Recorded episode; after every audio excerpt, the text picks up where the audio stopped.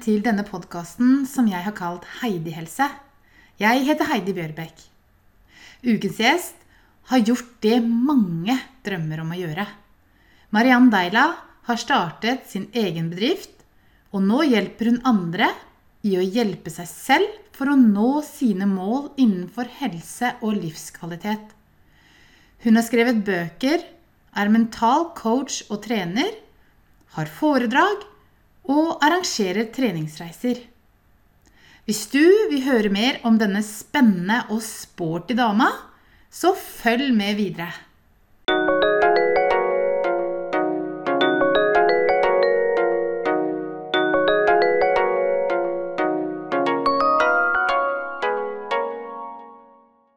Velkommen, Marianne Mariann Deila.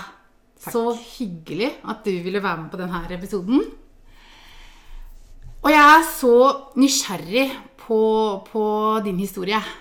Fordi at du har jo gått fra å ha en fast jobb som eh, eh, Analytiker. Analytiker, ja, ja. I politiet. Mm. Og så starta du for deg sjøl. Stemmer. Fortell. Hva, hva, skjedde? Ja, Det her eh, er jo snart seks år siden, faktisk. Tida flyr. Eh, jeg jobba som strategisk analytiker i politiet. Eh, og hadde blitt over 30 år, fått mitt andre barn. Og jeg hadde begynt å kjenne på en litt sånn voksende utilfredshet som jeg ikke helt klarte å plassere. Som jeg vil si starta med at jeg Eh, leste en bok som heter 'Ona fyr', som handler om, om egentlig kultur, altså kulturer i bedrifter, men det handler om verdier. da, mm. Hvor det sto noen spørsmål som var sånn Hva driver deg egentlig? Hvorfor jobber du med det du gjør? Hvem er du? Hva er din drivkraft? Hvorav jeg ikke klarte helt å svare på de spørsmåla. Og det satte i gang en prosess hos meg. Og da var jeg gravid da, med mitt andre barn. Eh, og det husker jeg som et sånt frø som ble sådd. Og så gikk det jo måneder, og fikk det barnet og sånn. Og så Jeg tror det var litt sånn Jeg var jo ikke mer enn 32 år, men jeg følte at jeg begynte å bli gammel. Ja. Og så var det sånn, Jeg følte at tida var i ferd med å gå fra meg, og jeg kjente at jeg var ikke helt på rett plass. Selv om jeg stortrivdes med kollegaene mine, og jobben var jo også spennende, egentlig. Mm. Var, jeg hadde jo ingenting å være misfornøyd med sånn egentlig. Så skjønte jeg ikke hva dette her var. Og den prosessen kulminerte eh, i eh, en oppdagelse. Da. Så sommeren 2012 hadde jeg akkurat kommet tilbake igjen i jobb etter at eh, jeg hadde vært i permisjon med dattera mi. Og da hadde jeg fått et prosjekt da, på jobb som jeg ikke helt skjønte så meninga med. Også, hvor jeg egentlig så meninga med det, men det var ikke helt forankra i ledelsen. Og jeg, da hadde jeg erfart en del med det å skrive. Jeg skrev jo rapporter ja. for politiet. Altså tolka tall og gjorde det om til strategisk informasjon. Da. Eh, men det jeg erfarte, var vel at en del av altså Jeg var helt sånn usikker på hvorvidt de rapportene egentlig ble brukt. Okay. Eh, eller om de ble putta i en skuff. Ja. Altså fordi at det var så langt fra det, det, som egentlig Altså det operative, da. Og i ettertid skjønner jeg mye mer av hvorfor jeg ikke var tilfreds, men der og da så klarte jeg ikke helt å plassere det. Jeg bare kjente at jeg kjeda meg. Ja. Så når jeg kom hjem fra jobb den dagen, så var det sånn Åh, jeg må finne på Altså, nå går det ikke mer. Nå, nå må jeg finne på noe? Så ringte jeg til min beste venninne, som også gjorde, har gjort noe av det samme. da, Sagt opp jobb og starta for seg sjøl, men hun driver med vin. Men hun var litt foran meg i prosessen. Så sier jeg til hun Vet du hva, nå, nå, må, nå må, vi bare finne ut av dette her. Altså, hva, hva, Jeg må finne ut av hva jeg skal gjøre med, liv, med livet mitt. Så sier hun Mariann, hent et blankt ark. Ok, så gjør jeg det. Så henter jeg et blankt ark. Så skriver du først nå ord som du forbinder med den tilværelsen du har akkurat nå. Og jeg var jo ikke i mitt positive hjørne akkurat da. Så da var det sånne ord som byråkratisk, kjedelig, lange møter, mm. parentes, som ikke fører til noe. Eh, eh, altså låst. Ja. Eh, mange, mange, sånne type ord som ikke var veldig positive. Mm. Og så sier hun ta fram et nytt ark, og så skriver du ned hva du ønsker. Hva vil du ha i din nye tilværelse? Og så begynte jeg å drodle på det, og da skrev jeg ord som frihet, inspirasjon, eh, mennesker. Eh, gjøre en forskjell. Lede. Eh, altså sånne type ord. Det var et helt ark fullt. Ja. Har du tatt vare på de arka? Ja, jeg har det. Og jeg hadde jo vært innom tanken på å skulle skifte beite til helse. Faktisk hadde jeg gjort det et halvt år før, da jeg satt hjemme da, med babyen min. Altså, eller ni måneder før, da. Og jeg husker jeg sa det til mannen min i sofaen. For jeg bare Hva skal jeg gjøre? Hva skal jeg gjøre? Jeg føler at det ikke helt Og så kikker jeg på, og så han svar, rakk ikke å svare engang. Så sier jeg sånn «Hå! Kanskje jeg skulle Kanskje jeg skulle blitt PT? Ja. Og så rakk ikke Bjarne si noe, for før han fikk sagt noe, så sier jeg nei, nei, det kan jeg ikke. Hallo. Jeg har gått så mange år på Blindern nå. Nei, det, altså det, det, det går jo ikke. Ikke? Så jeg slo det fra meg, men jeg hadde allerede tenkt på det. Og når jeg satt der den sommerdagen, så var det Ingvild som sa Du skal ikke jobbe med trening, da? Og det var liksom Ja. Det var akkurat som om det gikk et lys opp for meg. At ok, trening, ja, greit, men jeg skal først og fremst jobbe med mennesker. Det var det som, som ble visjonen, da. Det å jobbe med hjelpe andre mennesker å eh, bedre helsa si, livsstilen sin. Og at det er mange måter å gjøre det på. Men fra dag én, altså da jeg bestemte meg den dagen for at ok, det er jo det, er jo det jeg skal gjøre. Og, det, og det, ikke, det var jo ikke tatt ut av intet. Jeg hadde jo drevet med trening hele livet og vært instruktør fra jeg var 20 år. Og jeg var så opptatt av dette her. Og jeg snakket, altså, jeg, skulle, jeg slukte alt av artikler og det jeg så på TV. Og hvis folk spurte meg om noe med trening, og så, det var jo som å putte på penger. For jeg var så engasjert i dette her. Så skjønte jeg jo at det her, altså, jeg kan jo bruke mine ressurser til å hjelpe andre med dette her. Så inngangen på det var fysisk trening. Fordi at der hadde jeg allerede et navn da, altså i Grenland ved at jeg hadde vært instruktør i mange år. Så jeg starta jo ikke helt på bar bakke sånn sett. Nei. Men da var steg én sånn Ok, jeg må begynne med den PT-utdanninga. Og da jeg skjønte det, altså jeg tok den avgjørelsen, så var det som et dyr våkna inni meg. Altså Jeg har aldri vært så motivert for noe i hele mitt liv. altså Det var som et ustoppelig tog. Jeg skulle få det til.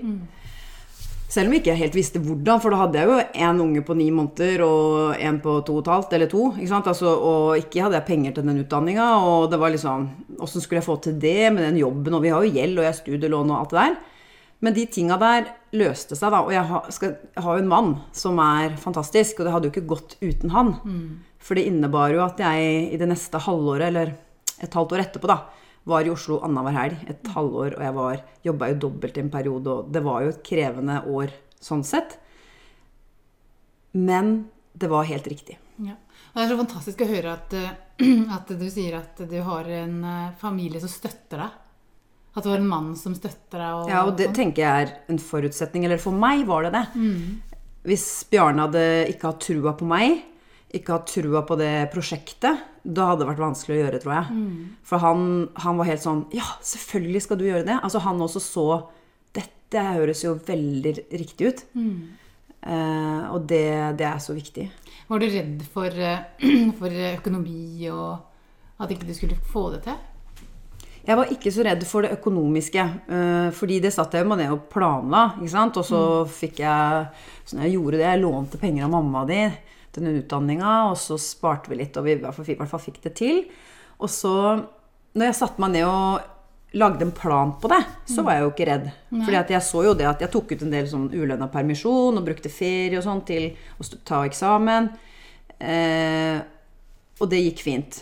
Og når jeg Og så ga jeg meg sjøl litt tid, fordi jeg var jo da ferdigutdanna i juni, og så søkte jeg først om permisjon i politiet. Jeg fikk innvilga ett års permisjon, selv om jeg var veldig sånn sikker på at jeg var ferdig, at jeg skulle slutte. Men det var jo en liten sikkerhetsventil, det, da. ikke sant? Så fra midten av august da, 2013 det var da jeg eh, begynte for fullt. Og jeg tenkte jeg kan ikke gjøre dette her litt på si. Enten så får jeg gå all in, eller så får det være. For det er noe med å ha den kniven på strupen. For det hadde jeg. Ja. For jeg hadde ikke råd til å ikke få det til.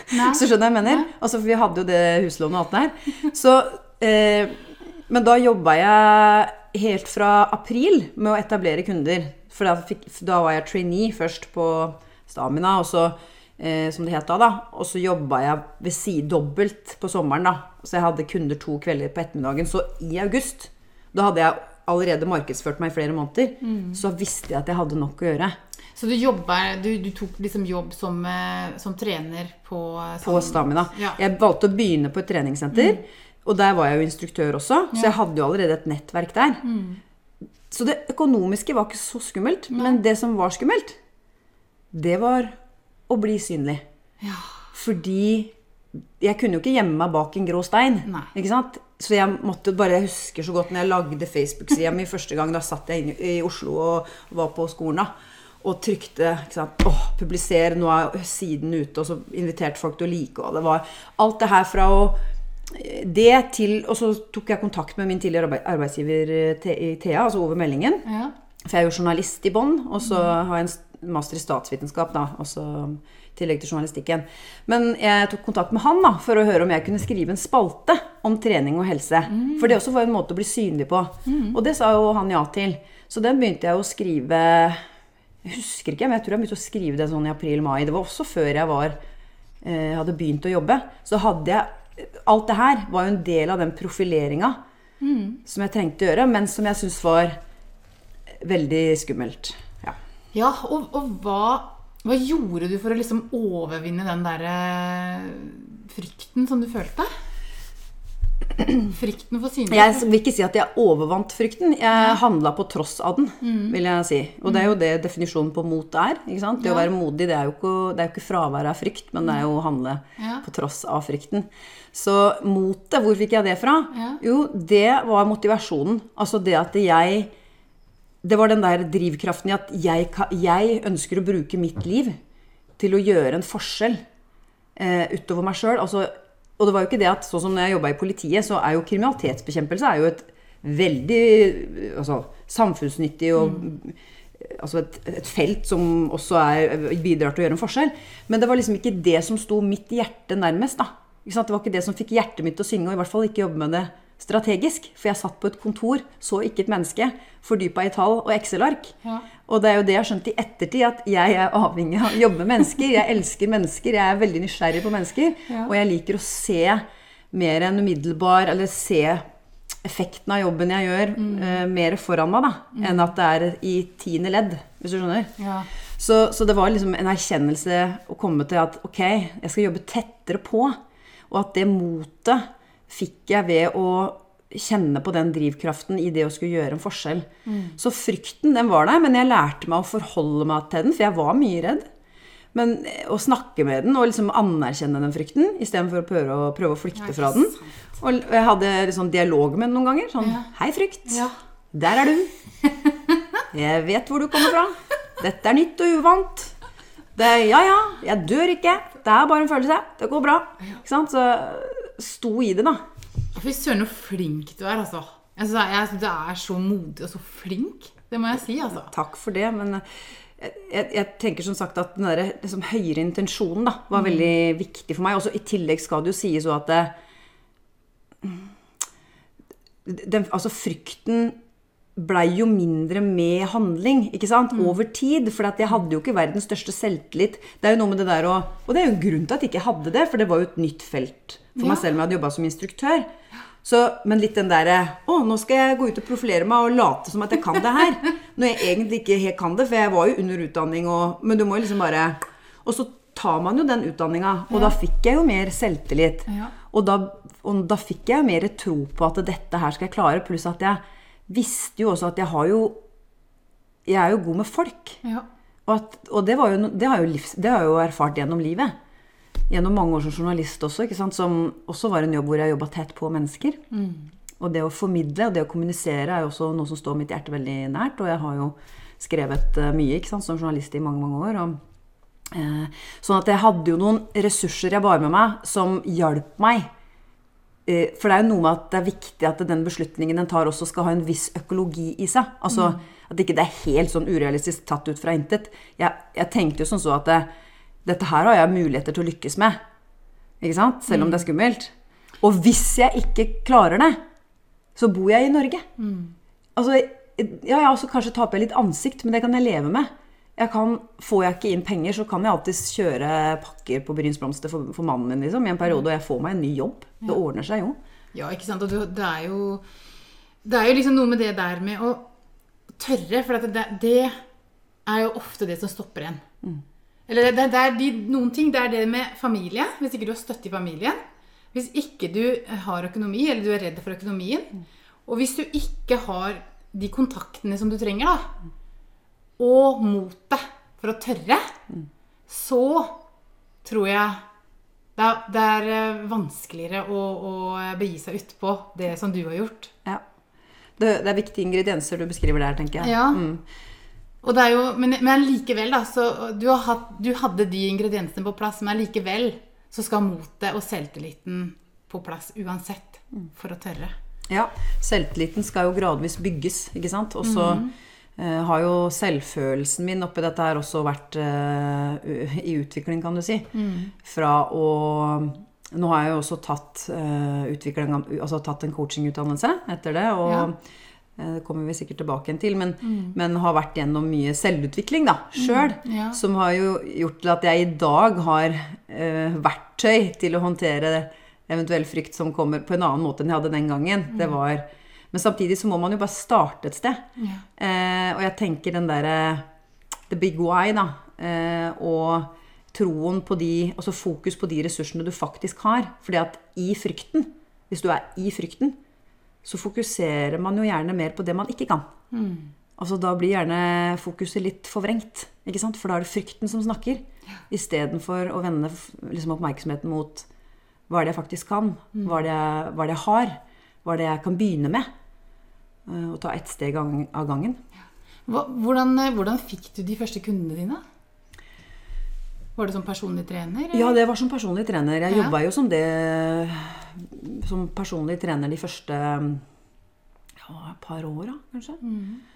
Og så, nå jobber jeg jo ikke noe særlig én-til-én på personlig trening lenger. Jeg jobber med grupper, trening i grupper, og så jobber jeg kun mentalt én-til-én. ja. på coaching, da. Så eh, det var det. Det var eh, gjennom eh, Det var gjennom eh, Stamina. Altså at jeg jobba der og hadde jo 60 stykk på timen, timen min hver uke. ikke sant? Og da når jeg jobba der, så markedsførte jeg jo der. At jeg begynte som PT. Så det var gjennom sosiale medier og instruktørjobben at jeg hadde en relasjon til mange av mine kunder der. Så når jeg ble PT, for da hadde de allerede tillit til meg, en del ikke sant? som spurte 'Oi, Marianne, jeg vil ha deg som PT'. Og så kom de til meg på den måten, da. For, for at du har jo også vært synlig lenge eh, på Facebook f.eks. Og du kjører jo litt sånn Facebook Live og sånne ting. Og for mange så er det utrolig skummelt å gjøre det. Hvordan, hvordan klarte du å liksom overvinne den frykten? Eller syns du det var noe skummelt? i- ja, det er et godt spørsmål. Jeg er blitt så vant med det. Vet du, Eh, det, vet du hva? Der tror jeg nok at min journalistbakgrunn har en Ja. del å si. For jeg har jo jobba både med TV, og jeg er jo utdanna radiojournalist. Mm. Så jeg har jo ikke vært noe redd for å høre min egen, egen stemme. Eller syns ikke det er så rart å se meg sjøl Nei. på skjerm heller. Mm. Fordi jeg har uh, en utdanning innen det, da. Så, så sånn sett så Men det var vel kanskje mer det jeg syntes var skummelt i starten. Det var For jeg hadde vært vant til å skjule meg bak en rolle som journalist, da. Sant? Da, har du, da, da skal, er jo idealet at du skal være eh, objektiv, og du skal helst ikke, du skal liksom ikke vise meninga di. Sant? Ja, nei, sant? Ja. Eh, det er jo en rolle, og da, det, så det var jeg jo. Så kunne jeg godt mene ting faglig og Men jeg skjulte kanskje litt mer av meg, da. Og hvor jeg sto politisk, sånne ting som det. Følte at det, det måtte holde de, den, de delene av meg skjult. Og så, samme når jeg var i politiet, det også er en rolle. Så jeg, jeg kunne jo være synlig. Jeg var jo litt synlig som analytiker også, men da la jeg jo fram statistikker. Så det var mer det derre å stå fram som meg. At det føltes veldig sårbart. ja. Så at, at, fordi at når du selger tjenester på den måten, da, som, som PT, så selger du jo Du selger fagkunnskapen din, ja. Men det handler også veldig mye om tillit, og at du bygger relasjon. Sånn at det var skummelt i starten, fordi jeg da hadde også et mønster for at jeg la mye av verdien min i prestasjonene mine. Altså jeg hadde noen brister i selvfølelsen da, på det området. At jeg var liksom, hadde mønstre for å være også perfeksjonismemønstre.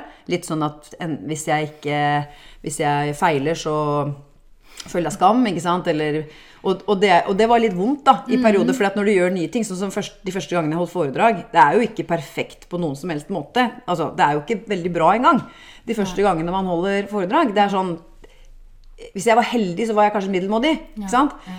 Og det er litt vondt å stå i det, og det er jo en smerte nesten sånn psykisk smerte, vil jeg si, som var mye vondere for meg den gangen enn det er nå. Det er fortsatt vondt hvis jeg skal gjøre noe nytt og uvant. Det er ikke det. altså Jeg er fortsatt utafor komfortsona, men det er mer det der at jeg er mer bevisst på at det, Jo, jo, men jeg lærer, jeg feiler, jeg tryner. Det, det er lettere å stå i situasjoner hvor jeg er utafor komfortsona nå enn tidligere, fordi at jeg vet, vet at jeg er god nok. Du har vært i det så lenge, eller du har vært i det så mange ganger at du kjenner at du takler det uansett. Ja, ikke bare det, men jeg vet at jeg også er Eller når det gjelder selvfølelse, da. Selvfølelse, hva er egentlig det? Sant? Selvfølelsen mm, vår er vår følelse av oss sjøl. Altså følelsen din av verdighet sammen med andre. Mens selvtilliten, det er din tillit til at du skal mestre en gitt oppgave. Ja. Selvtillit får du gjennom å utdanne deg, gjennom å øve, gjennom å trene på en ting. Altså, så får du øver opp ferdighetene dine. Mens selvfølelsen, det handler, det handler mer om følelsen. Mm. Hva, hva er symptomer på brister i selvfølelsen? Det er sånn Føle seg mindreverdig sammen med andre, sosiale sosiale settinger f.eks. Det å rangere seg litt sånn over og under andre basert på sånne ytre faktorer som ja, status og prestasjon og utseende og sånne ting som det. Eller det kan være det å føle skam når man gjør feil, eller føle en sånn uforholdsmessig sterk frykt Ja. eh, for å bli latterliggjort, misforstått, på en måte som er hemmende, da. For mm. ikke sant? Veldig begrensende. Eh, som bunner i altså mer en sånn Hvis jeg hadde gjort noe feil, så var det ikke det at jeg hadde gjort noe feil, men jeg var feil. Ja. Ikke sant? At det var noen konklusjoner jeg hadde trukket om meg sjøl i ung alder. For den selvfølelsen den utvikles jo i barneåra og ungdomsåra eh, i stor grad. Eh, var det at jeg liksom la mye av min egenverdi i det jeg presterte. Mens det jeg har jobba veldig mye med i, gjennom coaching, eh, gjennom at jeg har eh, sjøl blitt coacha mye, da. Ja. Så at jeg kan gi meg sjøl mer en sånn eh, Det høres litt sånn eh, Altså gi, se meg sjøl gjennom øynene av kjærlighet. Det er sånn som jeg gjør med barna mine. Jeg ville jo ikke sagt til ungen min Ja, nå har du gjort en feil, så nå er jeg mindre glad i deg. Du vil jo ikke det. Ikke sant? Så det er noe med å være glad i seg sjøl, selv om Altså, vi er alle uperfekte. Ikke sant? Så når jeg sier at jeg vet jeg er god nok likevel, så mener jeg jeg er god nok i meg. Uavhengig om jeg driter meg ut eller ikke. Det er ikke noe gøy å drite seg ut. Men allikevel så kan jeg gi meg sjøl mer omsorg, da. Jeg synes det er helt fantastisk jeg, at du sier det. At du sier det, og du gjør det, Mariann. For at det tror jeg vi har så mye å lære av. Det er det, tema, det, er jo det temaet som, som, jeg, som jeg ser også i de jeg coacher og de jeg Ah. Ja, møter, at det er jo ofte utfordringer da, relatert til selvfølelse som, som vi jobber med Mm. mentalt. Da, for å gå fra følelser av ja, uro, stress, eh, bekymring, dårlig samvittighet. Ikke sant? Gå fra å ha mye av disse følelsene til å komme mer til der at du kan føle mer trygghet, ro, glede i livet. Ikke sant? Eh, og det å hjelpe andre å utvikle de verktøyene da, ikke sant? og de tankemønstrene og, som, de, som, som støtter de i å ha mer av de følelsene i livet sitt. For at da føler de seg mer frie ikke sant? i valga de tar. Ja, for du, så, du fant jo ut av noen ting når du var trener. Mm. Eh, Når du bare trente folk. Ja. For min visjon har vært den samme fra dag én, nemlig det at jeg ønsker å tilrettelegge for varige livsstilsendringer. Det jeg fant ut, det var at det å jobbe fysisk det er én viktig komponent, men det er ofte ikke nok i å skape endring. Så det jeg erfarte, var at jeg kunne stå i det PT-rommet og gi gode råd til jeg ble grønn i trynet, holdt jeg nesten på å si. Altså, også velmente råd, og også den som tok de imot. Også 'Å, ja, jeg er så enig', og de Ikke sant? Men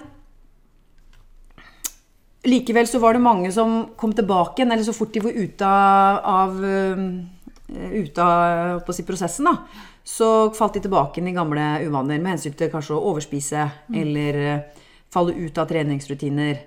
Noen, for noen så var det kanskje bare nok å få litt kunnskapspåfyll, og så fortsatte de. Men det er særlig de som har prøvd mange ganger, og som har mista litt sånn trua på seg sjøl.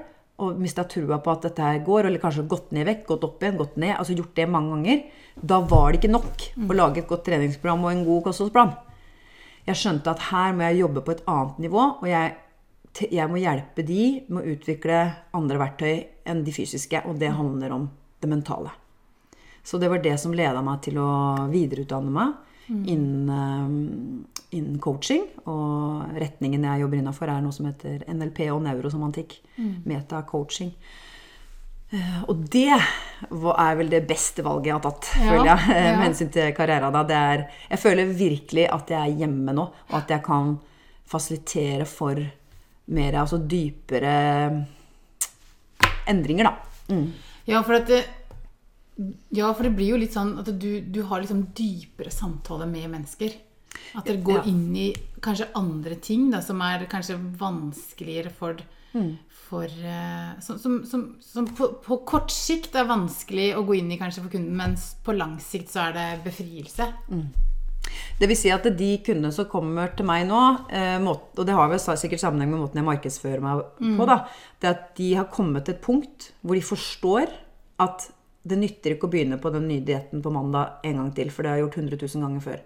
De har kommet dit at de skjønner at jeg trenger å jobbe på et annet plan. Og det er ikke alltid det gjelder kosthold og trening. altså Det kan være sånn stress og Ja. lite, følelsen av utilfredshet i tilværelsen uten at de vet helt hvorfor. Altså, stå ved, det kan være forskjellige ting med hensyn til livsstil. Da, kanskje dårlig søvn. Altså. Men de har kommet dit at de skjønner at de, jeg trenger å jobbe på et annet plan, og ikke jobbe med symptombehandling, som det det ofte er hvis du bare er i overflaten. Altså, det er ikke nok å bare sette seg et mål og lage en realistisk plan. For, som, for det er noe som stopper deg fra å gjøre det i praksis. De fleste vet jo sånn noenlunde hva de trenger å gjøre.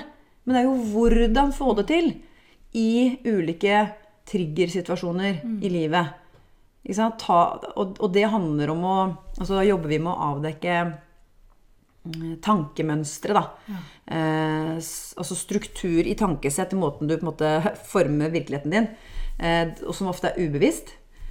Av å kartlegge og jobbe med det i, i endring. Ja, for at da er, ber du de lytte til tankene som kommer i forskjellige situasjoner, eller hvordan er det du gjør det? Jeg bruker en veldig altså, konkret met, altså, Ja, metodikk okay. eh, som, er, eh, som er basert Det er neurosemantikk, heter det. Altså, så det er litt vanskelig å forklare, men det er en veldig sånn strukturert, systemisk prosess. Det, er, det er mer enn en god samtale.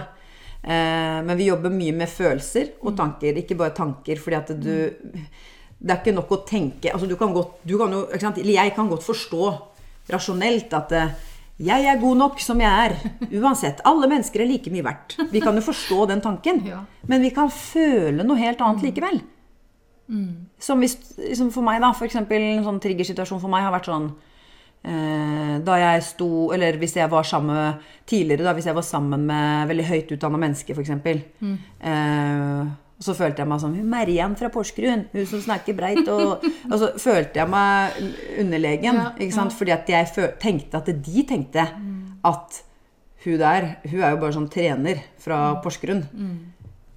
Hvorav den refleksjonen jeg har inni mitt hue Altså, det jeg tenker at de tenker, det er jo bare et rent produkt av hva jeg tenker om meg sjøl. Altså min egen Ikke sant?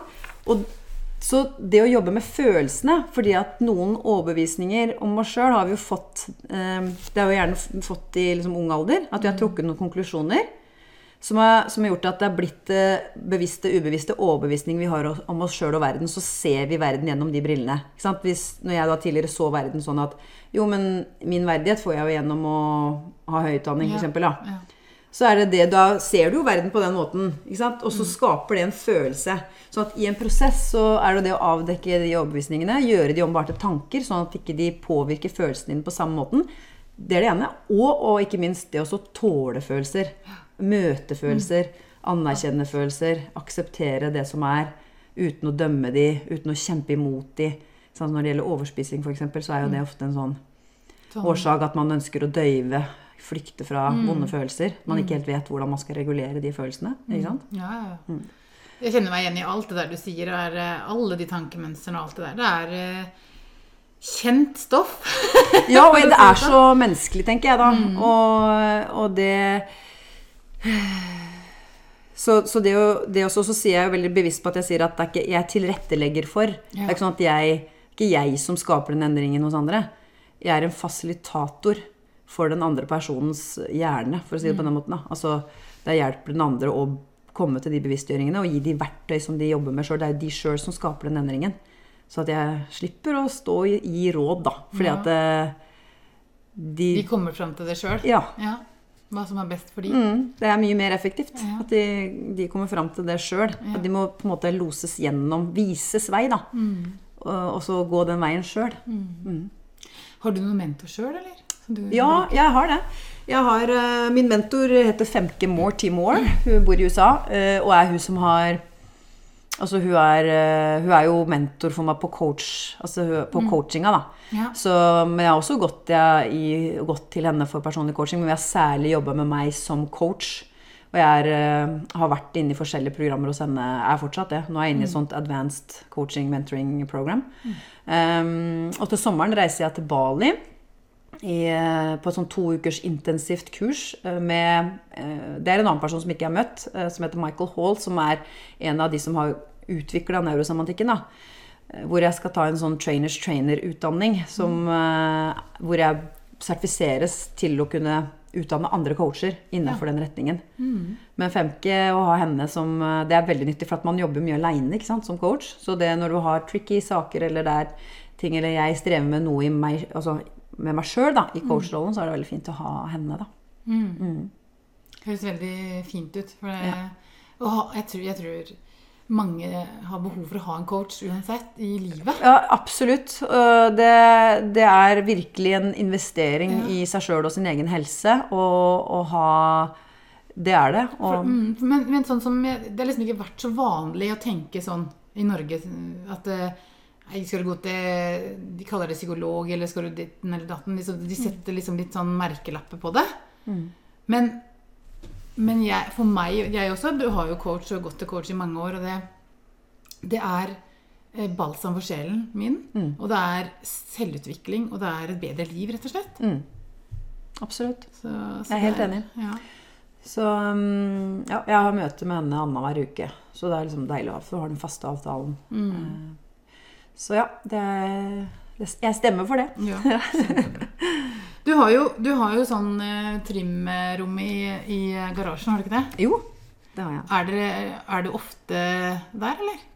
Ja, altså jeg har eh, I garasjen min så har jeg eh, smågruppetrening. Altså fire, det er fire og fire. Det, er tren, det holder med egentlig fire personer der inne da, på vinteren. Så mm, året er delt i to, egentlig. Eh, For på sommeren så åpner jeg den garasjedøra, Ja. og så har jeg trening i og utenfor. Og da er det plass til flere. Mm.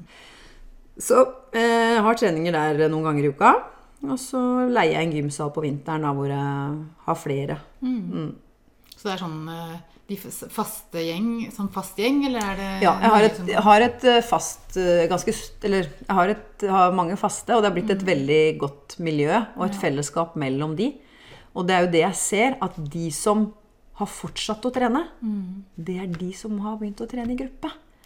Og det er det som også motiverer meg så ved å ha gruppetrening.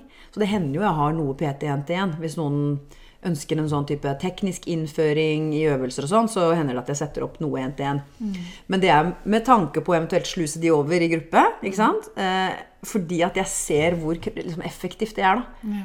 For da er det det her miljøet, og at du kommer på trening, og at noen forventer at du kommer. Jeg forventer jo at de kommer, selvfølgelig, men også det at de gjør avtaler seg imellom. da. Og at de treffes utenom. og på de treningsreisene mine også, så har det jo blitt knytta mange nære vennskapsbånd ikke sant? som Ja. fortsetter å leve uavhengig av meg, og det er jeg bare så, synes jeg er så bra. ja, for du arrangerer Du kommer jo akkurat fra en reise nå. Ja, stemmer. Hvor gikk turen? Det var til Fuerteventura denne Ja. gangen, på Kanariøyene. Mm. Ja. Deilig, da. Ja, det var helt topp, altså. Fantastisk gjeng. Mm. Så ja, jeg er veldig takknemlig for å få lov å jobbe med dette her. Mm. Oppleve det. Og det er jo gøy når du både kan reise og gjøre det du elsker mest av alt. da. Definitivt. Trene og, Mm. og coache. Kjempebra. Men så har du jo, du har jo også skrevet uh, to bøker. Ja, det stemmer. Uh, kan ikke du si litt om, eh, om uh, hvem bok skrev du først? Jeg skrev Prosjekt Sterk først. Mm. Det er en bok som handler om hvordan altså, Men det er jo en bok først og fremst om mental trening. Ja. Eh, hvordan, altså Undertittelen er 'Åtte uker til drømmekroppen'. Det var litt diskusjon på forlaget om den. Jeg hadde jo ikke så veldig lyst til å ha den undertittelen, men de var sånn 'Det er en sikker salgsvinner, Mariann'. Og jeg vet et par dags dato så er jeg ikke helt sikker på om det var riktig, for jeg syns jeg fortsatt kan kjenne litt skam når jeg ser den undertittelen. Men Vet du hva, jeg faktisk det skjønte jeg litt på det, for jeg tenkte Oi, nå har jeg holdt på i er det 13 uker jeg har holdt på, så, og jeg har fortsatt ikke fått drømmekropp. Men, hvis- men, men du skal ikke ha lest mange sider i den boka før du skjønner at den drømmekroppen, Ja. den er det jo ikke jeg som definerer. Eh, den er det jo du sjøl som definerer, ja. og det er jo en veldig de, viktig del av den mentale prosessen. er jo Mm. for mange jeg, også som jeg møter, de, de, har ikke, de, vet, de vet bare hva de ikke vil ha. Ja. De vet, 'Jeg vil ikke være her'. Altså, jeg føler meg dritt. Men de vet ikke helt hva de vil. Mm. Så er det noe med å definere hva er godt nok for meg? Mm. Ut ifra den livsstilen jeg ønsker å ha, eller som er realistisk for meg å, å leve. Mm. Og finne ut av Fordi det er mange som kjemper mot seg sjøl, da. Ikke sant? At de kanskje har noen genetiske forutsetninger. Altså, hvis vi ser på foreldrene våre, så har vi jo? Det er jo mange Anlegg ofte for datt. anlegg for ditt og datt. Så sånn som jeg, et sånt eksempel jeg ofte bruker på foredrag, så ta, får jeg opp et bilde av Jennifer Aniston. Fordi Jennifer Aniston hun, hun var jo så populær når jeg gikk på videregående. Og den gangen var jo liksom idealet at alle skulle være tynnest mulig, spise light-produkter og bare jogge. Mens jeg har alltid vært liksom robust bygd, da. Og jeg drømte om å ha lange, tynne armer uten føflekker på. Mens jeg har liksom korte, eh, robuste armer med veldig mye føflekker på. Og jeg husker jeg skjelte ut mora mi. 'Det er så dårlig gjort at jeg har fått så mye føflekker!' Så, altså, så, det, det, da kjenner jeg meg ja, det er skikkelig dårlig gjort. Og så so waste of energy. Ja, Så det der å komme til et punkt hvor jeg aksepterer meg sjøl, og at, og at om, Si da, ok, veier jeg fem kilo mindre, da, hvis sier man, eller er det ti kilo mindre, eller hva det nå er, eller kanskje det er greit sånn som jeg er nå. Det å bestemme seg for hva er min trivselskropp, er vel kanskje det jeg heller ville brukt, men Kagge syns ikke det var så sexy. Med trivselskropp. Drø drømmekropp var litt mer sexy.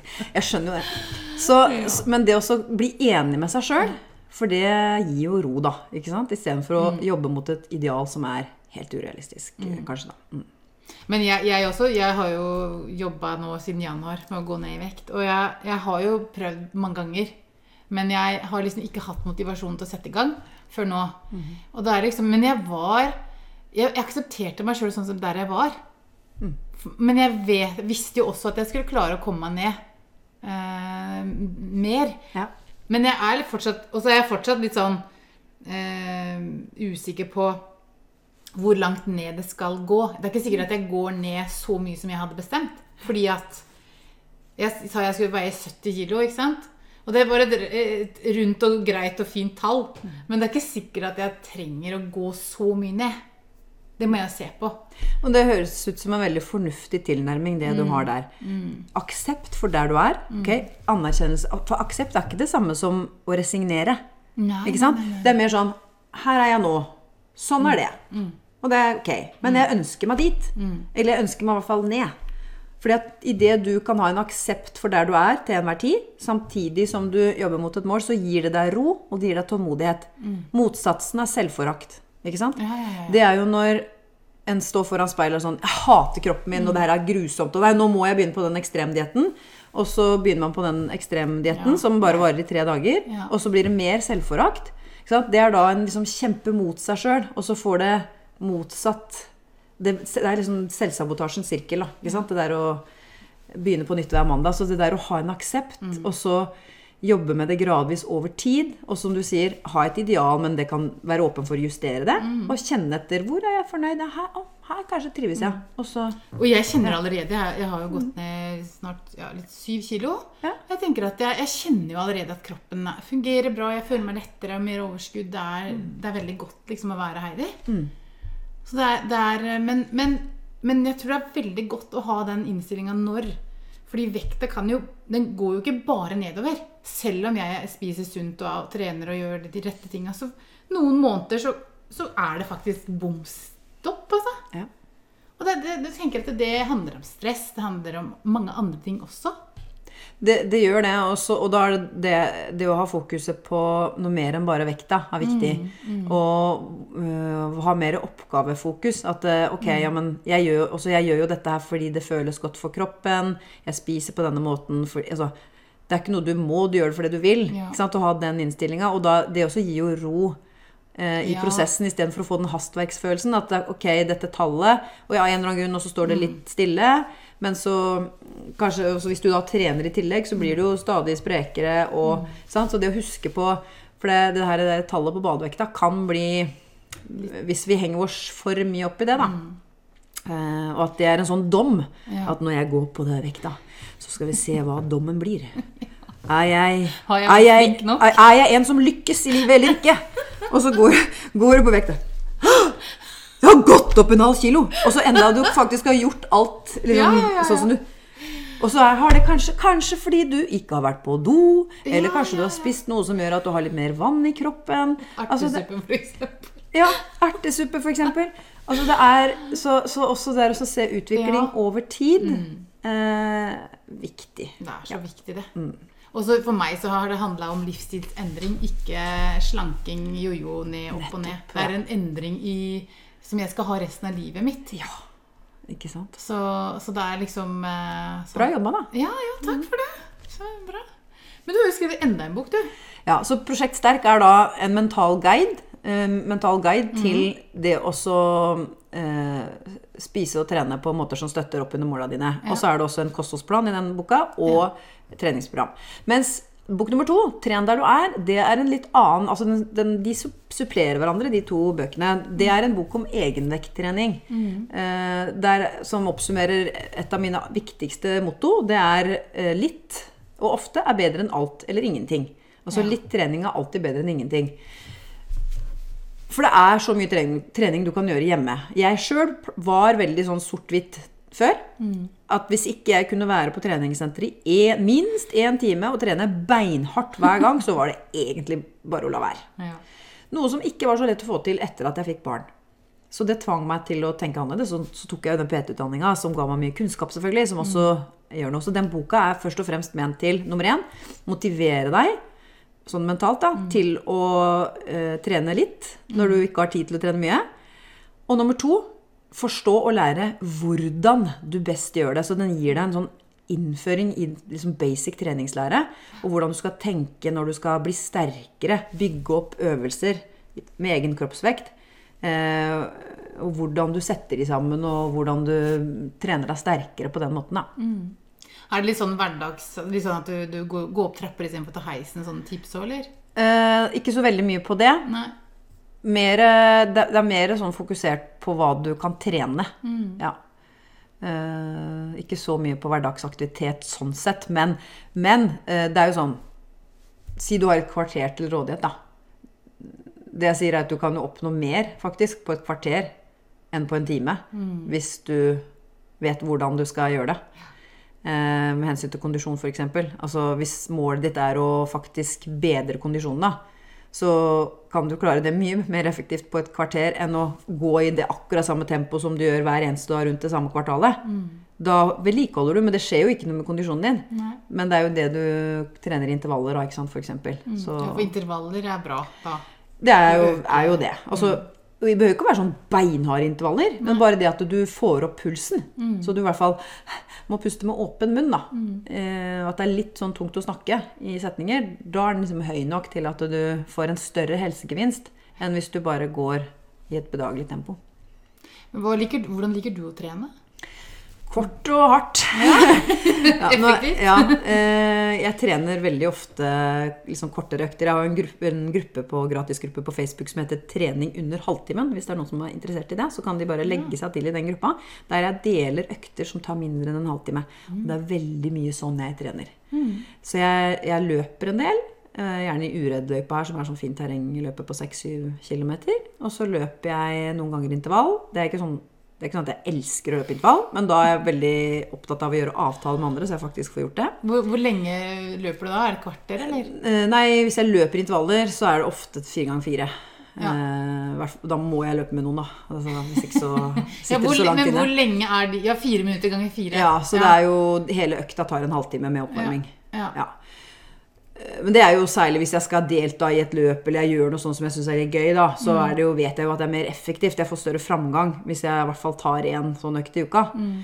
Eller så er det styrketrening, som er ofte sånn sirkeltrening-basert. Litt sånn crossfit-inspirert trening. Mm. Som jeg gjør, da.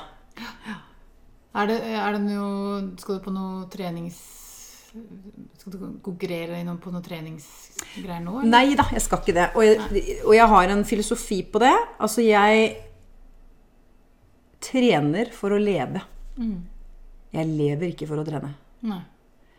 Så trening er for meg ikke en prestasjonsarena. Det hender at jeg kan sette meg prestasjonsmål fordi jeg syns det er gøy i en periode, men det er uviktig i den store sammenhengen. Så får jeg en eller annen vondte, en skade, eller så har jeg liksom Koster meg null kalorier å bare melde meg av, eller Jeg legger ingen prestisje i det. Jeg mener det virkelig. Og det har jeg tatt et standpunkt på. Så, sånn som nå, så har jeg hatt uh, trøblete eh, rygg i mange måneder. Helt siden november-desember. Jeg har faktisk vært og tatt MR, så jeg får kanskje noen svar nå. Jeg tror jeg har hatt noen, muligens en sånn utposning på en av de nederste virvle- eh, virvlene. Men det går helt fint. For det er jo mye annet jeg kan gjøre. Ja.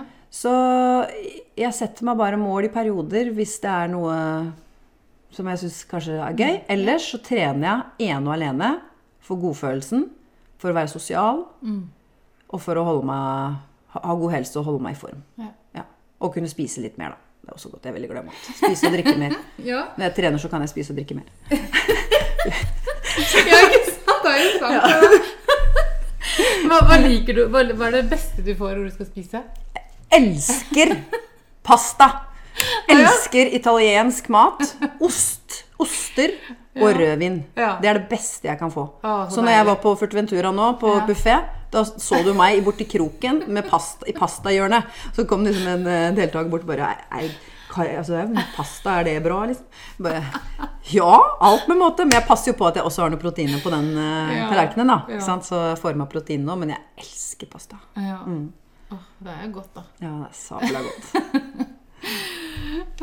Men, men og så er det, det er liksom så veldig sånn um, diskusjoner nå med, med frokost.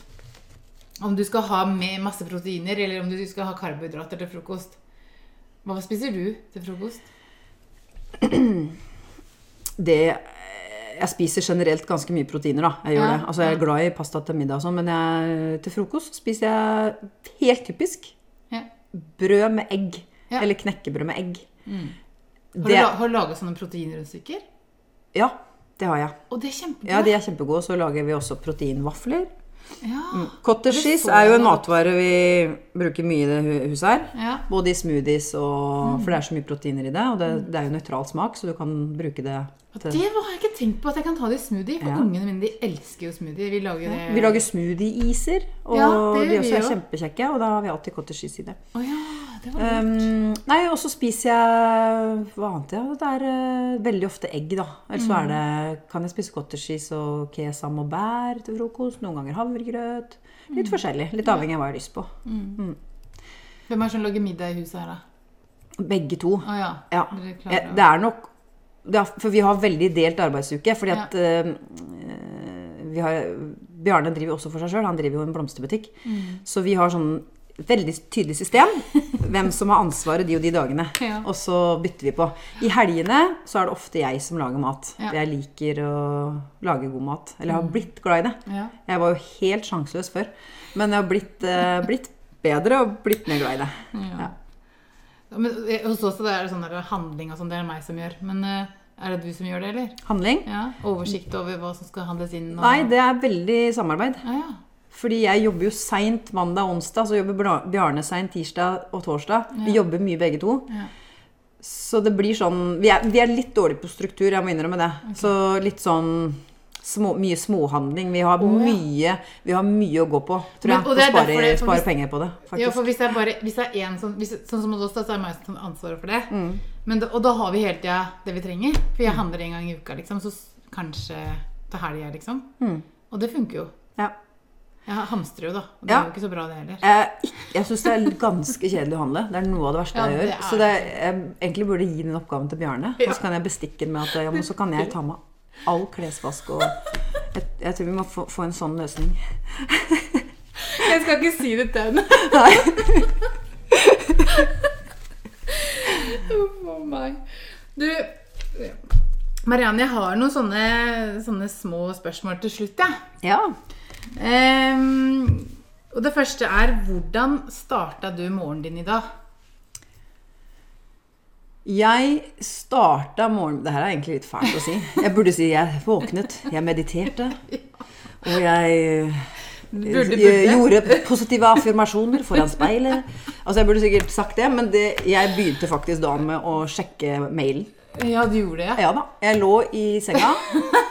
Og så eh, tok jeg opp telefonen og så sjekka jeg mailen. Sjekka Ja. Facebook, sjekka Instagram. Å, fy deg, Mariann. Ja, jeg gjorde det. Og så sto jeg opp, og så var det å få opp ungene. Ja. Ja, så jeg hadde På mandager er det jeg som har ansvar for barna om morgenen. Ja. Så, men det var det første jeg gjorde.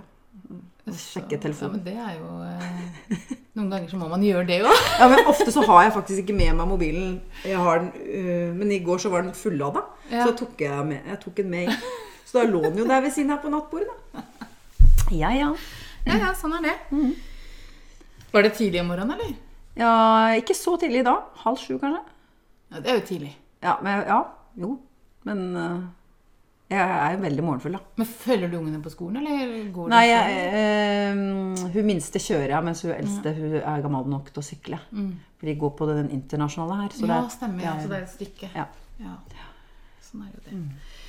Du, spørsmål nummer to. Hva er din favorittdrikk? Har du noe favoritt? jeg, må, jeg, jeg elsker vin. Ah, ja. Ja.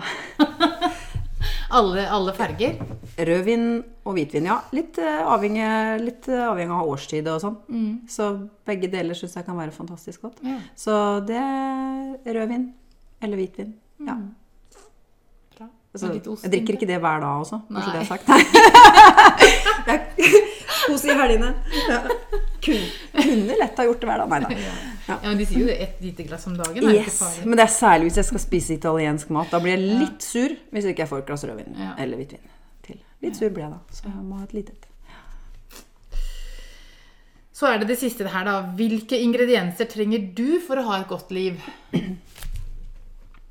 Nå sa du det spørsmålet før vi starta, så jeg fikk tid til å tenke litt.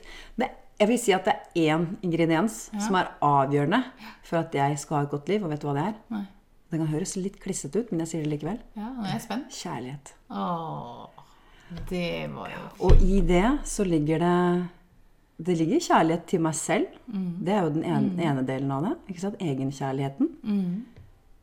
Men også kjærlighet i fellesskap med andre. ikke sant? At den kjærligheten det handler jo om hvordan jeg prioriterer livet mitt.